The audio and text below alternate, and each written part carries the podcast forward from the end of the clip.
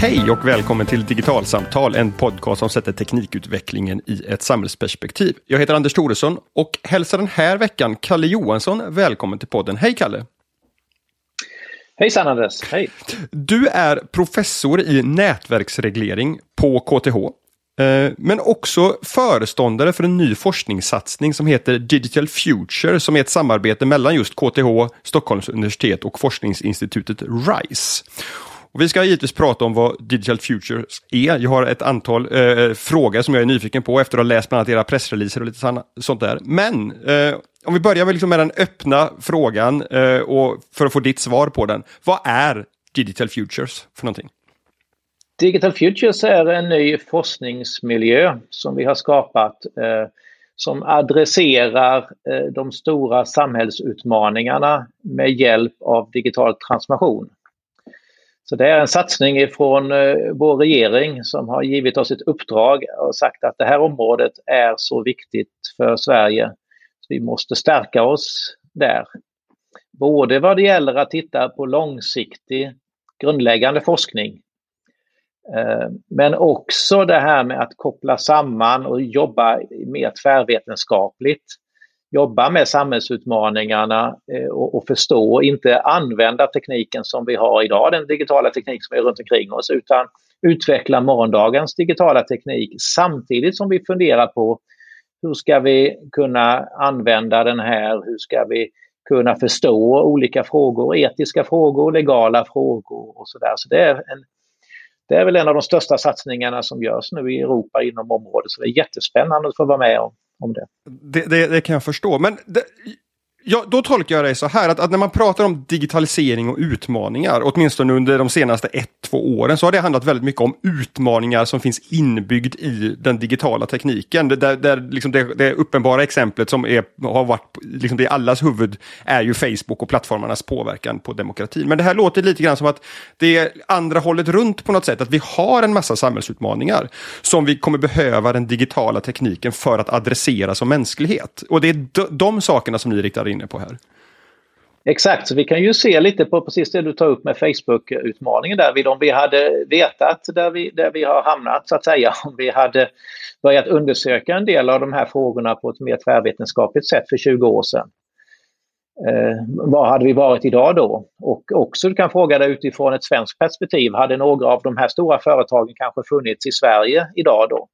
Så du tänk dig vilka är de här eh, de här företagen och vad är den här eh, forskningsresultaten och det påverkan som vi vill se om, om 20 år från idag istället. Och det är ju det är mycket som diskuteras idag. Vissa av de här frågorna som du säger ser vi dagligdags då hur tekniken påverkar oss i hur vi kommunicerar, hur det påverkar media, hur det påverkar barn som växer upp och, och sådär.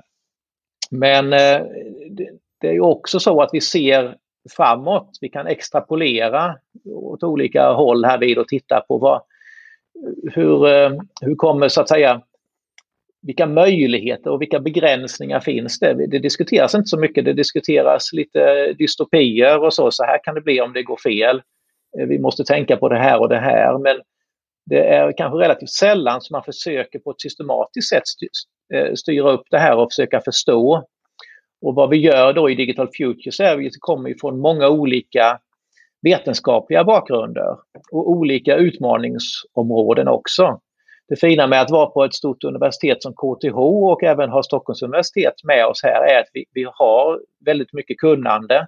Så du har allt ifrån det som du skulle förvänta dig, sådana som forskar inom eh, krypteringsalgoritmer och molnlösningar och, och eh, beslutsfattande och så, men du har också personer som jobbar inom beteendevetenskap, jobbar med stadsplanering, arbetar inom eh, eh, lösningar inom eh, sjukvården och, och så. Så vi försöker verkligen skapa eh, projekt som vi jobbar inom där vi eh, försöker, försöker förstå det här för att traditionellt sett i, i har det ju varit så, precis som du refererar till de senaste åren nu, har ju varit så att man kanske ifrån, ta den kliniska sidan till exempel, tittar på lösningar som finns.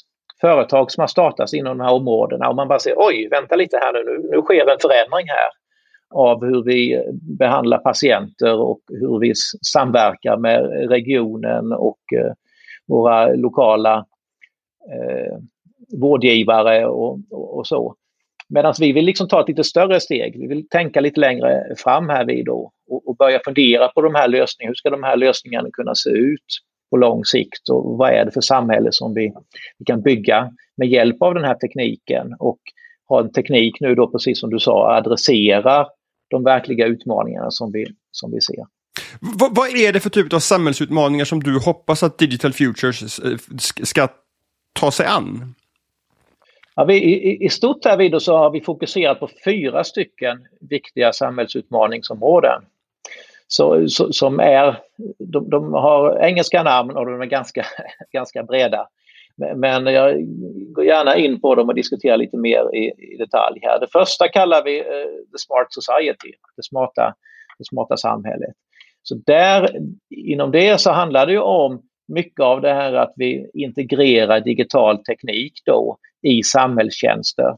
Du kan ta allt ifrån eh, transport, hur transport går till, hur energiförsörjning går till, smarta, smarta hem och, och, och sådana saker. Det kallar vi för smart society. En slags digitalisering utav den gamla traditionella infrastrukturen som vi har levt med under många år. Men, men sett liksom vad händer med den när vi lägger på ett digitalt lager? Ja, exakt. Och vi kan säga det också, där har det ju skett väldigt mycket också inom angränsande områden. Det fanns en tid när vi trodde att vi alla skulle leva i skyskrapor och, och, och det skulle se ut som en science fiction och sådär. Vi vet, vi vet att så, eh, idag är det mycket mer en, en bättre förståelse om det där. Hur, hur kanske miljöer som vi vill kunna leva i, men hur möjliggör vi de miljöerna? Hur möjliggör vi ett bra samhälle? Som kan så att säga, använda den här tekniken på ett, ett, bra sätt. Så vissa av de här traditionella frågorna finns kvar där kring energieffektivitet och sådana saker. Men det finns också andra aspekter kring hur vi, hur vi interagerar, hur vi interagerar i, i sociala sammanhang och så. Det andra området vi har kallar vi för den digitaliserade industrin, digitalized industry.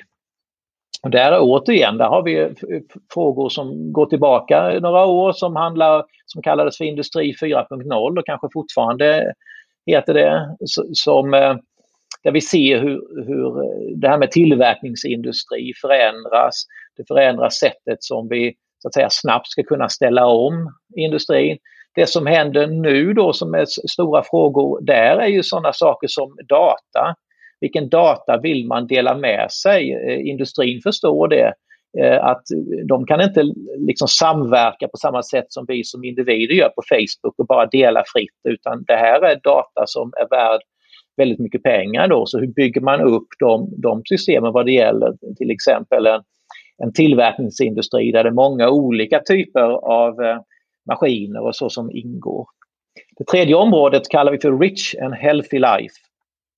Så alltså hälsosektorn men mycket bredare. Inte bara eh, så att säga eh, sjukvård, hälso och sjukvård utan också frågor kring hur, hur vill vi leva det här, eh, hur vill vi så att säga ta hand om varandra och leva framöver. Och där, där finns ju såklart eh, eh frågor kring eh, sådana saker som eh, individanpassad hälsovård och, och sådana saker som är jätteintressant, hur man använder Eh, Eh, databehandling och AI för att diagnostisera bättre och förstå kanske eh, hjärnan och, och, olika saker i vår kropp på bättre sätt. Men det är också väldigt intressanta saker om hur vi samverkar. Nu sitter vi och pratar genom eh, Squadcast här då. Eh, och vi sitter vid våra datorer och så där. Det är ju fortfarande det är ju oerhört primitivt. Vi har hållit på med det här nu då i 20-30 år.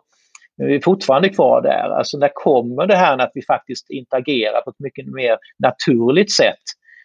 Eh, och så. Det är en fråga men det finns väldigt mycket andra intressanta frågor. Om man har, om man har barn så vet man det, hur man, hur man slits som förälder. Och hur, hur ska du styra, hur ska du kunna påverka dina barn för att använda den här tekniken på ett bra sätt? Då?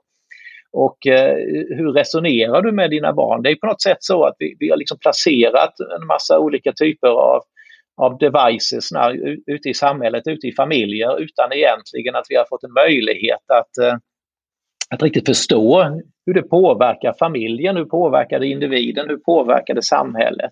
Så det finns jättemycket intressant där att tänka på framöver. Och det fjärde området vi har är ju, är ju självklart eftersom eh, jag sitter på ett universitet här, det är ju utbildning då. Den digitaliserade utbildningen. Hur kommer utbildningen att se ut framöver? Där sker ju jättemycket intressant nu då med dels hur vi undervisar. Nu sitter vi mitt i en, en pandemi och undervisar digitalt och, och, det har varit en fantastisk omställning på våra svenska universitet här nu då. Där, där, på den typen av undervisning. Men hur kommer det se ut framöver då? Hur kan vi så att säga använda de här verktygen? Mycket i undervisningen ser ut ungefär likadant som det gjorde för hundra år sedan. Andra saker har förändrats totalt. Mm. Det är en bit av det. Den andra stora biten är hur undervisar vi eh, så att säga det här som vi, vi kallar för det livslånga lärandet. Hur, hur, hur, så att säga förhåller oss KTH till våra civilingenjörer som vi har examinerat. Vi har en fantastisk alumniverksamhet idag. Eh, vissa kommer tillbaka och tar några kurser och sådär men vi ser framöver att det kommer vara en, ett helt annat sätt som vi tar hand om, om utbildningen framöver och den digitaliserade biten av utbildning kommer bli mycket, mycket vidare, viktigare. Så det är de, de fyra stora utmaningsområdena då som vi jobbar inom. Men, men då har vi någon, någon slags ett, ett, väldigt individnära perspektiv egentligen i, i det här uh, Healthy Life tror jag du, du, du, du sa att det hette och, och delvis också i utbildningsdelen. Sen har vi uh, näringslivet uh, representerat i form av industrin och digitaliseringen av den och sen har vi liksom hela samhällsperspektivet. Mm. Och då, då, då gör jag en reflektion och sen en fråga. Eh, re reflektionen är ju att, att jag under de senaste åren har, har ju i, i podden och i artiklar som jag skrivit varit inne på, och liksom det råder ju ingen tvekan om att den digitala tekniken har jättemycket att erbjuda på alla de här olika områdena. Det är liksom reflektionen. Frågan är, det här är otroligt spretiga områden. Åtminstone liksom när man bara hör dig nämna dem så här utifrån. Vad är, mm, vad är nytt nyttan eller varför man har valt att lägga liksom allt det här i ett i en forskningsmiljö istället för att göra fyra olika som separerar de här så att man kan fokusera? Ja, det, det, det, man måste förstå, för det första måste man förstå lite vad vi gör. Vad är det faktiskt som händer? Vi, vi, vi, vi gör inte allt. det, det, är vissa saker som vi, vi fokuserar på. Men sen också när man ser på så att säga områden, så det är likadant där då att det är vissa specifika intressanta områden och där vi, där vi kan, kan vara inne och påverka. Och om vi tittar på, om vi först börjar titta på det där så att säga områden och vad vi kan göra. Då, då kan man säga att grundtesen som vi jobbar med det är att vi vill skapa en miljö här vi då som bygger, som har tre stycken komponenter i sig. Den ska ha vetenskaplig excellens. Den ska ha ett, ett tvärvetenskapligt synsätt. Vi ska träffas över disciplinära gränser men det ska också, vi ska träffas över sektoriella gränser. Vi pratar om olika affärsområden och, och, och så. Och det tredje är att bygga communities. Att kunna liksom eh, komma samman och kunna liksom med, med hjälp av att vi, vi, vi bygger en, en, en, större helhet då kun, kunna skapa någonting utifrån det där då. Och eh, vad, vad, är det som vi, vad är det som vi ser är, är styrkan med att göra det där, att tänka i de, de tre, det är ju att vi är så inspirerade av eh, success stories runt omkring i världen. Där vi ser att där, där vi har så att säga stark starka universitetsmiljöer eh, där man kan attrahera eh, unga människor, komma eh, kanske från hela världen, komma in i miljöer och se vad som händer där det sprutlar och det kommer idéer och sådär. Men där det också då inte bara kommer så att säga idéer eh, underifrån, man får säga som så, utan också där man får se där utmaningarna finns. Var finns de stora eh, så att säga, samhällsutmaningarna? För där, det är ju där, om vi tänker att de, de unga som kommer in här och studerar, det är där de kan möta också se det här, om de är, känner sig som entreprenörer, eller de känner sig som forskare eller vad de har för någon drivkraft då.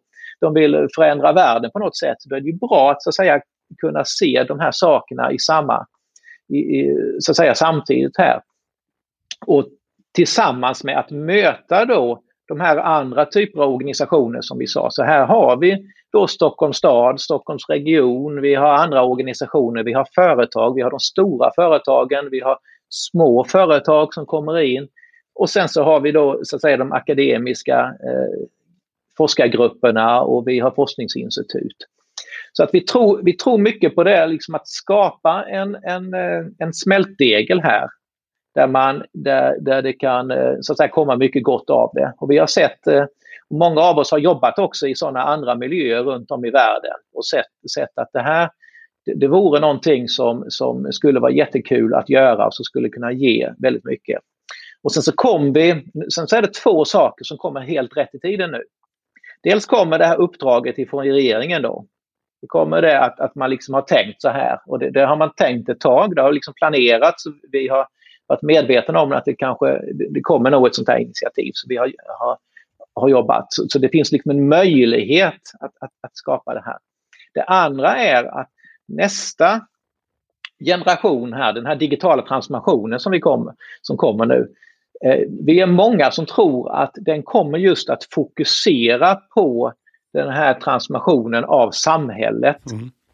Så det ser vi, alltså till skillnad ifrån då, och du har säkert haft gäster innan som har pratat om andra typer av eh, digitalisering. Det är inte digitalisering av media, det är inte så att säga andra bitar av det här, utan det är någonting där samhället spelar en väldigt stor roll. Och då kan vi säga varför är det rätt tid och varför är det rätt plats att göra det? Jo, för vi tror att här i Sverige och i Stockholm så har vi ett rätt så bra sätt att samarbeta mellan de här samhälls, eh, olika samhällsbitarna som man brukar kalla för trippel helix då. Alltså, eh, och, och, vi har enkelt sett, vi i, i, Sverige är kända för det här att vi, vi liksom har inga höga murar mellan oss utan vi kan sitta ner och diskutera det här.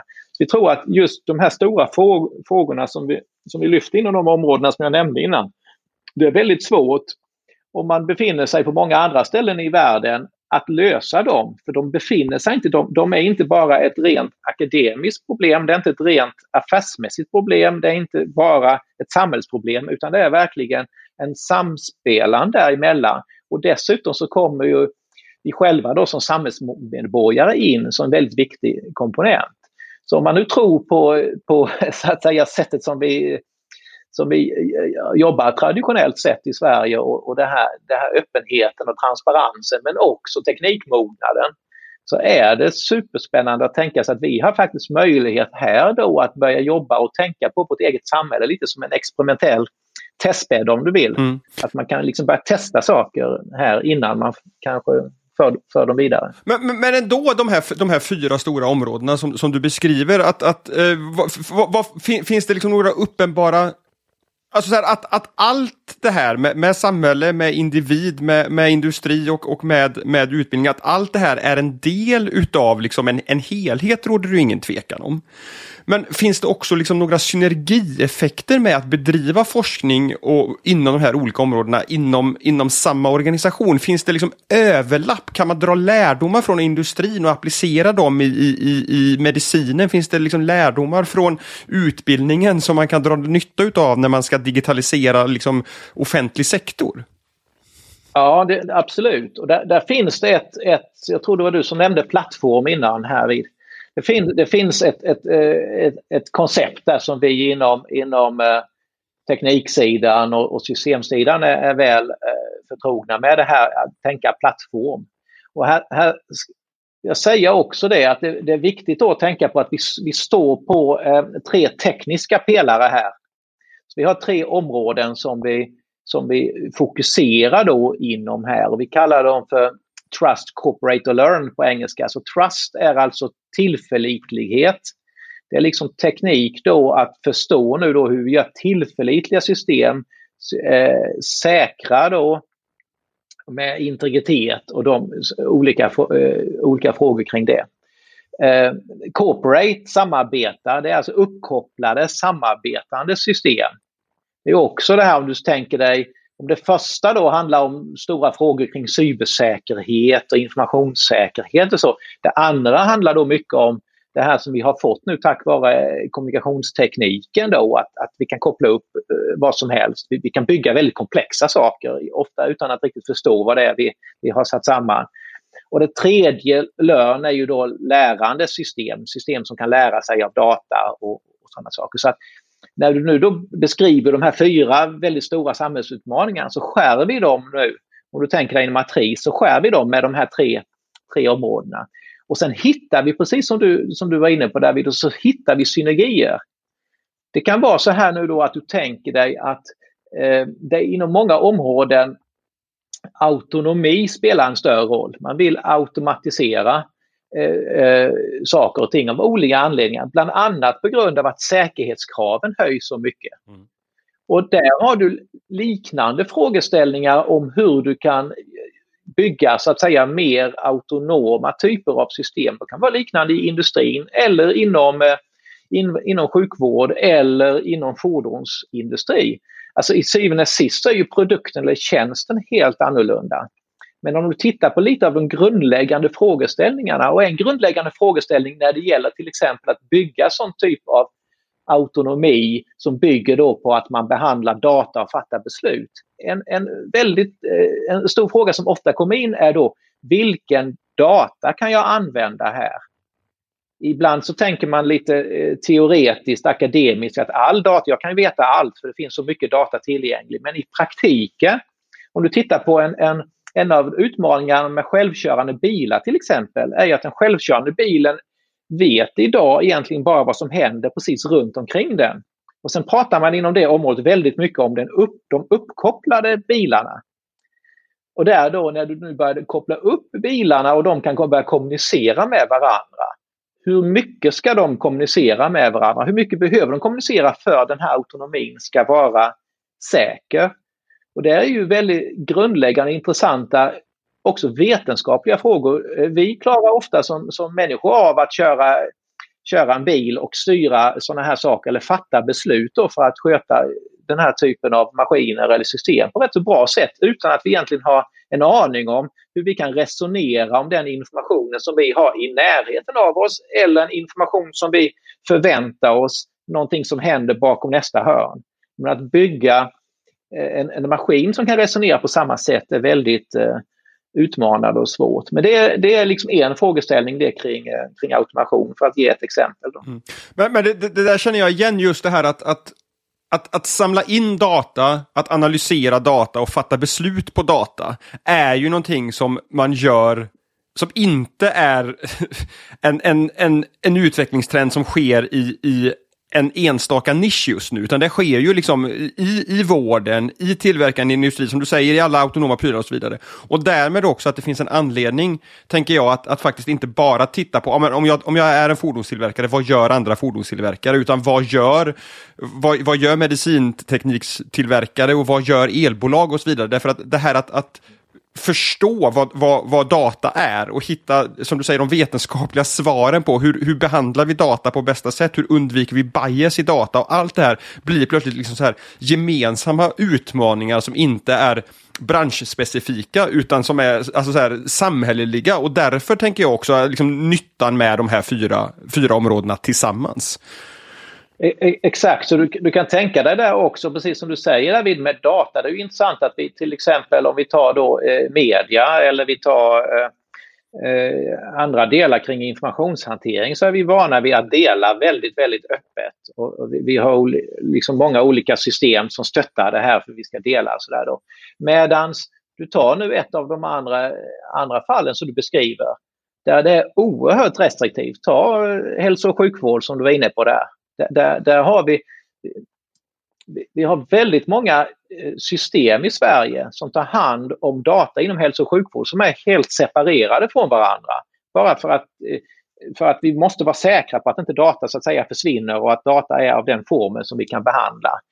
Eller om vi tar det här med fordon eller vi tar det här inom tillverkningsindustrin som vi, vi har diskuterat.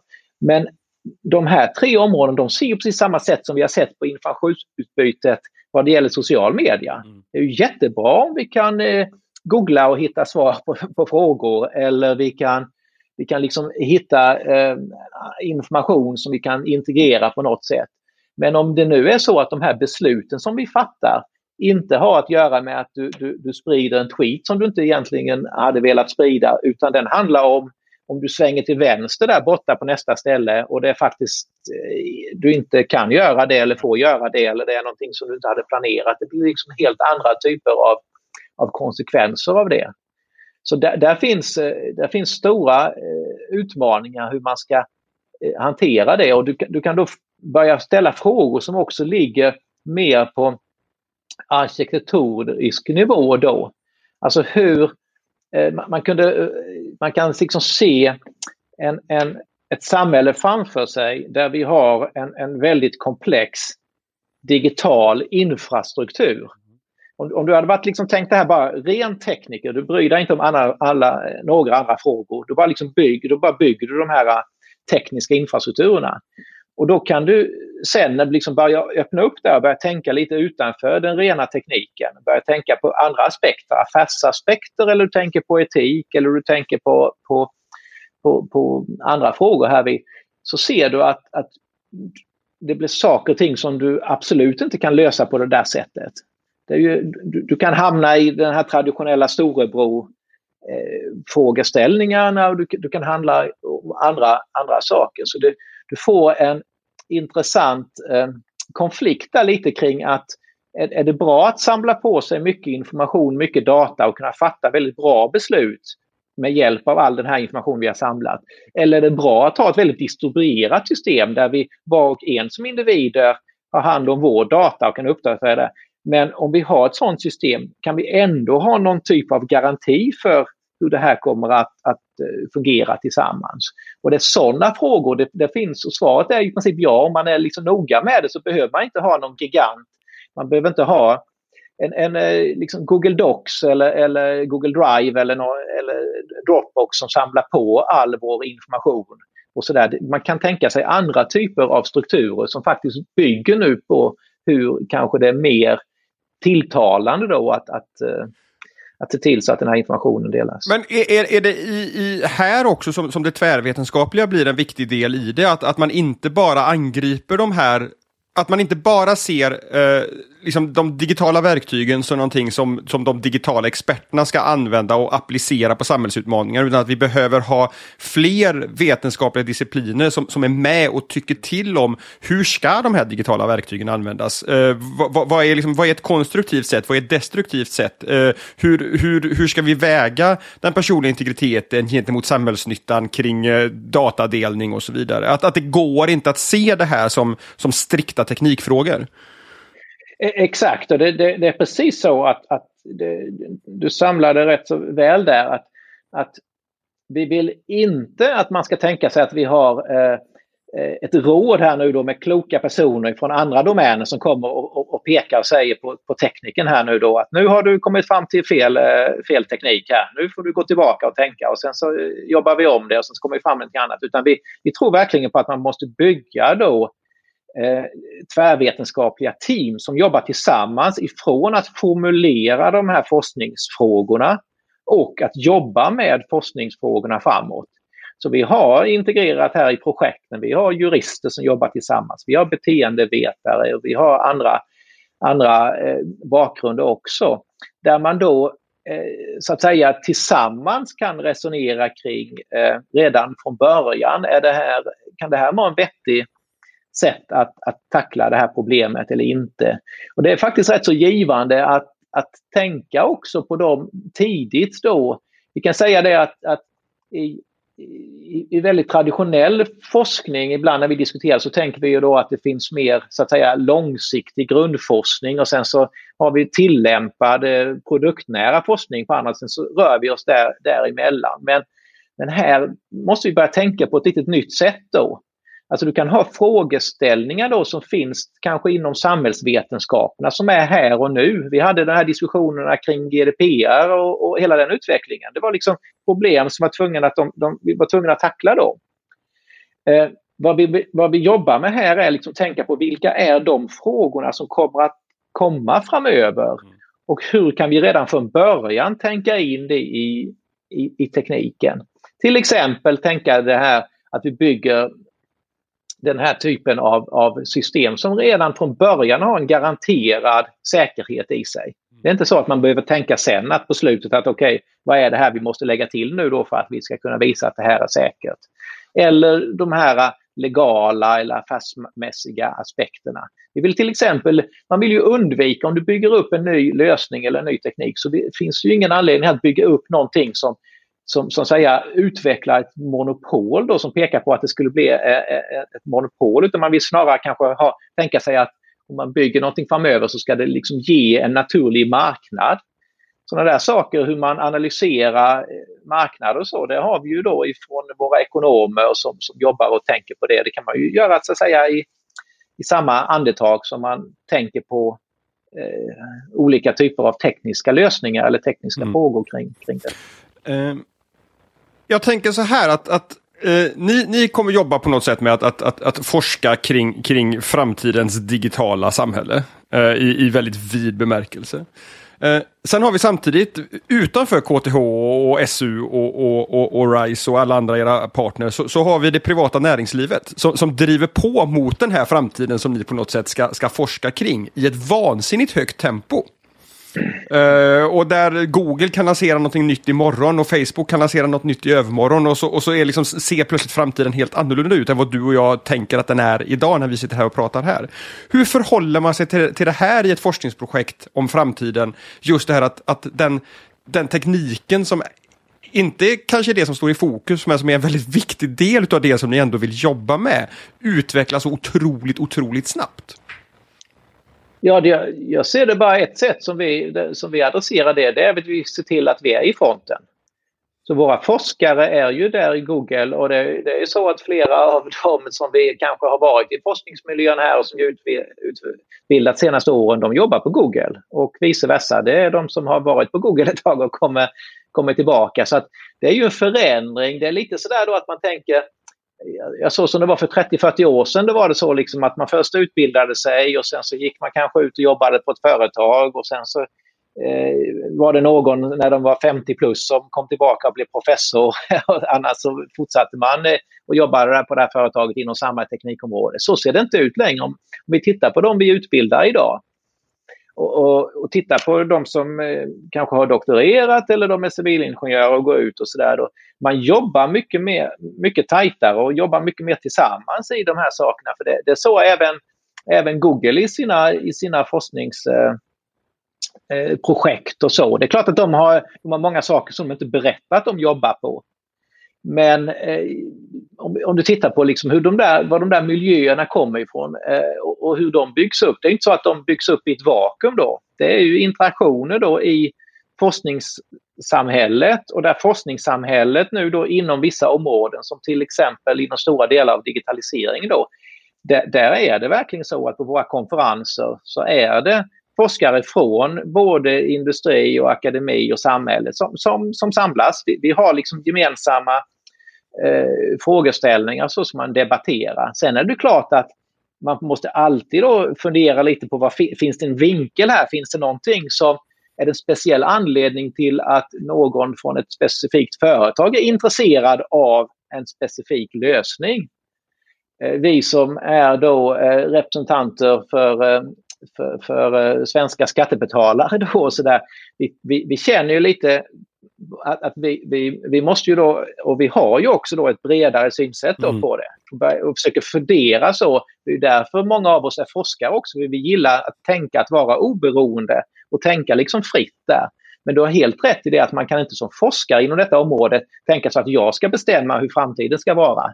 Utan man måste se det i ett sammanhang då och, och se att man är med och påverkar men också att man blir, blir påverkad av detta. Och det, det ser vi ju om vi också tittar tillbaka där att det har ju varit vissa teknikskiften. Du kommer säkert ihåg för några år sedan när man diskuterade kommer det bli Kommer det bli wifi nu då som kommer vara helt dominerande eller kommer det här med cellulär kommunikation finnas kvar och så? Nu sitter vi några år senare och ser ja det blev 5G i alla fall. Men vad händer sen? Kommer det bli 6G eller vad blir det? Och, och likadant andra lösningar. Vi, vi vet inte men då kan vi ju, det är ju det som är spännande med det här. Man kan liksom leka med tanken att det kan, det kan vara på e-, ena sättet eller andra och vad finns det för några olika utmaningar och lösningar och, och, och så beroende på vad, vad som händer. Och jag tänker också kanske att, att i forskningsprojekt som, de bedriver, som, som ni bedriver, att, att det viktiga är inte om det blir liksom 6G eller en, en kommande wifi-standard. Det, det, man kan förstå är att vi kommer få ännu mer eh, och bättre och snabbare trådlös kommunikation och så kan man fundera på på hur ska vi använda, alltså att man, man hamnar ett snäpp upp i abstraktionsnivå på något sätt också när man tar sig an de här frågeställningarna, eller? Ja, och, och att man vågar. Jag tror det är jätteviktigt här eh, om, om, man ska vara lite, lite så att säga diskuterad utifrån samhällets eh, synvinkel här då. Det är jätteviktigt att samhället vågar tänka fritt och tänka öppet och långsiktigt. Eh, och att eh, man kan lära sig från historien. Och vi, vi, kan, vi kan se att eh, i Sverige så har vi missat några tåg. Vi missade det här med, med de här, mål, de här eh, eh när molnlösningarna kom från början då, va? och hela den, den sidan. Det där missade vi. vi. Vi höll på att missa hela det här med el, elbilar och sånt. Vi hade en fantastisk elindustri, vi hade en fantastisk fordonsindustri. Ingenting hände. Nu börjar det hända jättemycket plötsligt. Eh, som antagligen också blir ett stort teknikskifte. Och nu har vi den tredje saken här då såklart som vi sitter och diskuterar här, den här digitala transformationen av samhället. Och där tror jag att vi måste så att säga, eh, där vi är på hugget här nu då, men vi måste förstå det att vi samlar oss och eh, eh, kring de här och tänka då precis som du, du är inne på här vid att man tänker långt framåt. Man kan inte tänka så här, okej, okay, vad, vad, är bäst nu och vad är bäst om, om, om, fem år? Utan hur kan vi se det här tillsammans, hur vi kan lösa utmaningar som det kan ju vara det som vi var inne på med elbilar och sådär, energi, energiförsörjningen. Eh, och, och, med förnyelsebar energi och så, hur, hur löser vi de här, hur, de här frågorna? Där har det ju funnits lösningar som har diskuterats i många, många år. Fast det tar ett tag innan det liksom kan integreras. Det, vi minns alla när man diskuterade att vindkraft kunde aldrig användas till, till större delen på grund av att det, det fungerar inte. Vi skulle inte kunna stabilisera vårt, eh, vårt transmissionssystem. Helt plötsligt så har vi mycket, mer, mycket större penetration av vindkraft än vad, vad man sa för 10-15 år sedan att det skulle vara möjligt. Och likadant här med, med, med andra frågeställningar. Så att man måste liksom våga tänka lite öppet och se hur, hur, skulle man kunna lösa det här. Och sen så får man, när man har kommit fram till lösningar här, sen då fundera eh, tillsammans. Är detta en väg man vill, eh, vill gå? Är den ekonomiskt eh, möjlig eller finns det andra alternativ? Jag tror vi, vi måste eh, se här vid att alla de här eh, forskarna och de som jobbar både på, på företagen men också i industri är, är också här akademiskt då att vi så att säga använder dem och eh, till, till, att tänka framåt. Men framförallt då vår nästa generation. Det passerar då tusentals eh, studenter genom KTH till exempel. De är nästa generations eh, ledare här, forskningsledare i Sverige och ledare för utvecklingen. Och att de kommer in i det här tankesättet och liksom kom, kommer ut och bidrar till samhället. Mm. En sista fråga Kalle, vad är roligast med att få vara föreståndare för en sån här satsning? ja, det roliga är att det är så, är så, så fantastiskt driv i det här. Du vet, det, det är alltså, i många olika sammanhang. Både, jag träffade precis här nu eh, utanför, det var en ny eh, en, en ny postdoc som har kommit direkt från Los Angeles som har jobbat i en forskningsmiljö där. Han kommer ifrån Chengdu från början, kom hit och sa att det liksom är fantastiskt att få komma hit nu då och börja, börja jobba. Alltså, individerna som är, är, Eh, eh, liksom är med här i miljön. Vi är ju hundratals forskare som jobbar tillsammans. Och som, som, eh, såklart nu så träffas vi ju nästan bara på det här sättet som du och jag träffas här. Men de är jätte... Men sen ska jag säga också att jag är faktiskt väldigt positivt överraskad om vilket driv det är både från samhällsaktörer och från industri. Det är fantastiskt. Vi hade en invigning här för ett par månader sedan med, med, med, med ett, helt, ett helt gäng med ledare från, från olika delar. Då, som man, så man ser att det finns verkligen, det är många som tänker att jo, men detta är rätt, rätt sak att satsa på och här har vi liksom möjligheter framöver att bygga en, en, en ljusare framtid. Mm. Det låter bra. Kalle Johansson, stort tack för att du tog dig tid för att vara med i Digitalsamtal. Tack så mycket. Tack. Och till er som har lyssnat, vi hörs igen om två veckor. På återhörande då. Hej så länge.